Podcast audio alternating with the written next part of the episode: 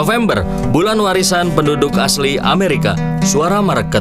Pada tahun 1990, Presiden George Bush menyetujui sebuah resolusi yang menyatakan November sebagai Bulan Nasional Warisan Penduduk Asli Amerika.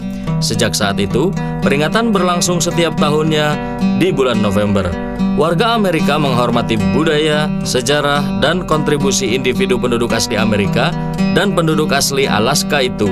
Melansir VOA Indonesia, seorang kepala suku Sosone Darren Perry mengatakan banyak warga Amerika keturunan Indian kehilangan identitas mereka karena eksistensi mereka diabaikan.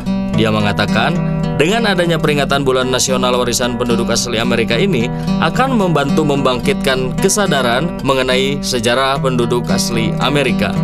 Selain itu, ramai diperbincangkan tagar Native American Heritage Month dari warga Amerika untuk memperingati bulan warisan tersebut.